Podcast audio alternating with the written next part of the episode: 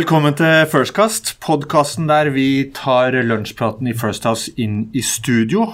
Og i dag har vi jo prata stort sett om kronikken din, Hans Christian Valseth. Du irriterer deg over eh, norske mediers metodikk. Fortell hva du er hissig på. Ja, Utgangspunktet er jo den kritikken som Slottet har fått uh, fordi de har kontakta kilder i en sak som uh, Dagbladet dekker, som har med Slottet å gjøre. Og Veldig mange medieledere har reagert på det og mener at det er en utidig innblanding. Jeg mener jo at det er både riktig og fornuftig av Slottet å gjøre det. Og Når jeg sier det, så er det ikke fordi jeg mener nødvendigvis at sakene som Dagbladet nå jobber med, ikke burde vært publisert. Men jeg kjenner igjen det som gjør at Slottet har behov for å ta kontakt med kildene.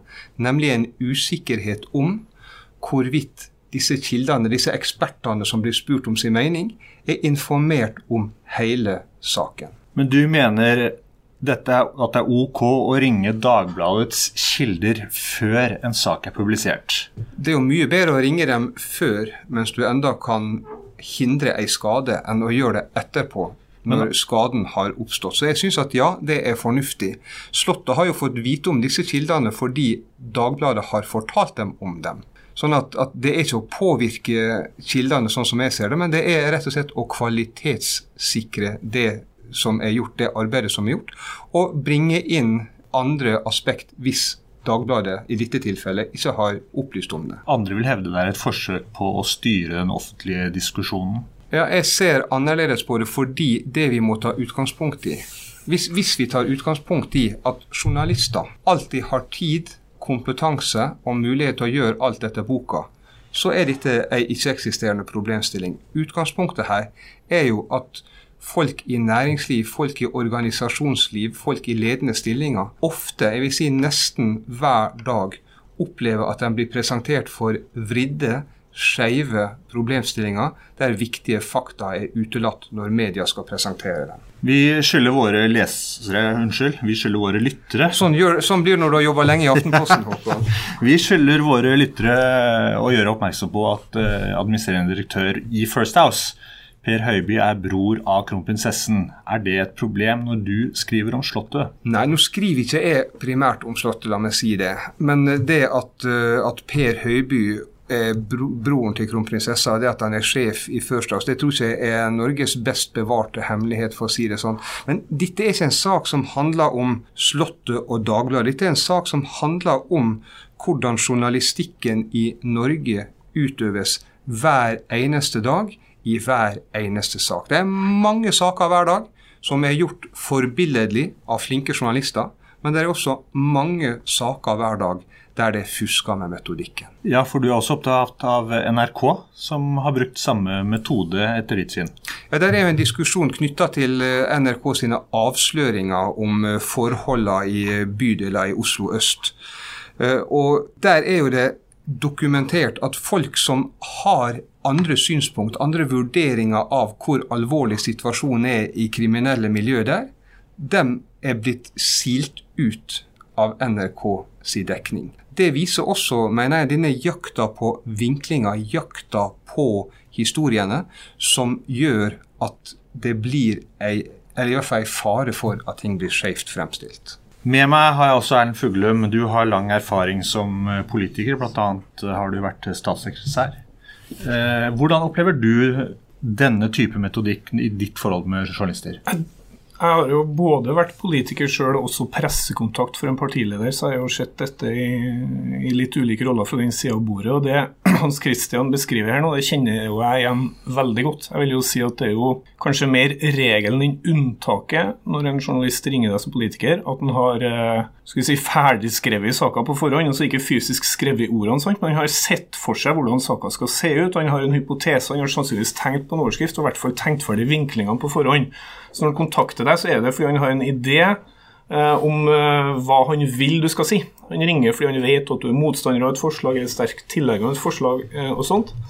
Og Det er i og for seg greit nok at de har en sånn arbeidshypotese, men problemet oppstår jo når du, sånn som vi så i NRK-saka om, om, situasjonen i Oslo øst, at når kilder ikke sier det journalisten vil de skal si, så blir de sila ut av den opprinnelige saka. Sånn at hypotesen blir ikke endra selv om aktørene uh, ikke mener det som journalisten har, har tenkt på forhånd. Vi, vi, bør vel i fairness si at, at NRK benekter jo at det har skjedd akkurat på den måten som er beskrevet, men faktum er jo likevel at det synspunktet som denne forfatteren som ikke fikk være med i saken, hadde, det er ikke representert i saken.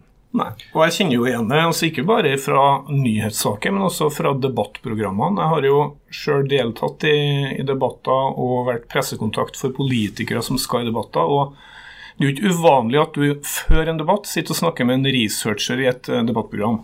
Uh, og Da det ofte, oppstår det ofte noe, noe underlig, nærmest en forhandlingssituasjon der researcheren prøver å presse deg som politiker eller politikeren du jobber for, til å eh, ta i hardere, være tøffere i synspunktene og sånn.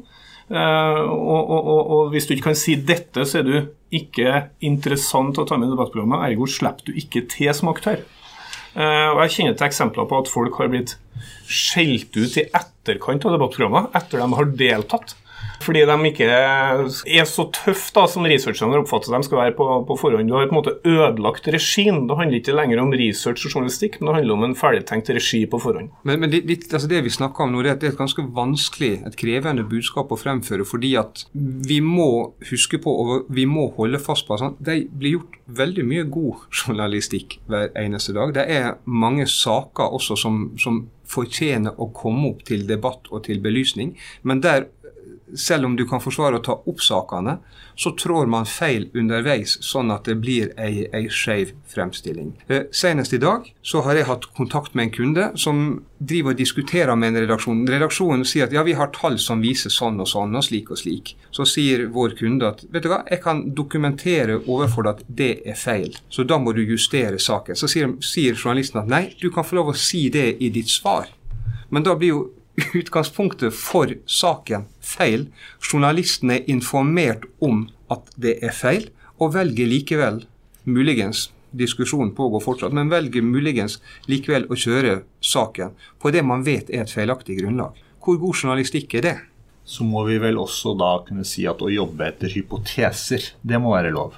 Jo, så Jeg skjønner jo at de um, Det er jeg helt enig i, og jeg syns det, det, er greit at de ringer uh, Sånn som da jeg var i Kommunaldepartementet, at de ringer en kommunalminister fra Senterpartiet fordi de vet at vi er skeptiske til kommunesammenslåinger, fordi de ønsker en kilde som er skeptisk til det. Det er greit nok. Men når de velger å ikke De, de snakker med deg, og kanskje til og med gjennomfører intervju, men velger å ikke bruke det fordi at det strir imot den saka de har tenkt på forhånd. Altså regien på saka blir ødelagt. Eh, da, da, da tegner det jo ikke et et på en måte, riktig bilde av virkeligheten. Hypotese må være lov. Men det som mange objekt for journalistikk opplever, det er at de blir kontakta først når saken er ferdig laga. Det er dem saken handler om. De får presentert en ferdig sak med to, tre, fire, fem kilder, gjerne eksperter som sier ting, før de har fått gitt sin versjon i det hele tatt. Den ideelle prosessen skulle jo være at journalisten først samler inn fakta fra så mange som mulig, så gjør jeg evaluering, jobber videre og jobber frem en ferdig sak. For ofte så er det ikke det som skjer. Jeg har en hypotese om at denne debatten kommer til å fortsette utover uken. Takk til alle som lyttet til oss. Minner om at du kan høre på alle podkastene våre på vår egen Firstcast-side på Facebook. Mitt navn er Håkon Borud.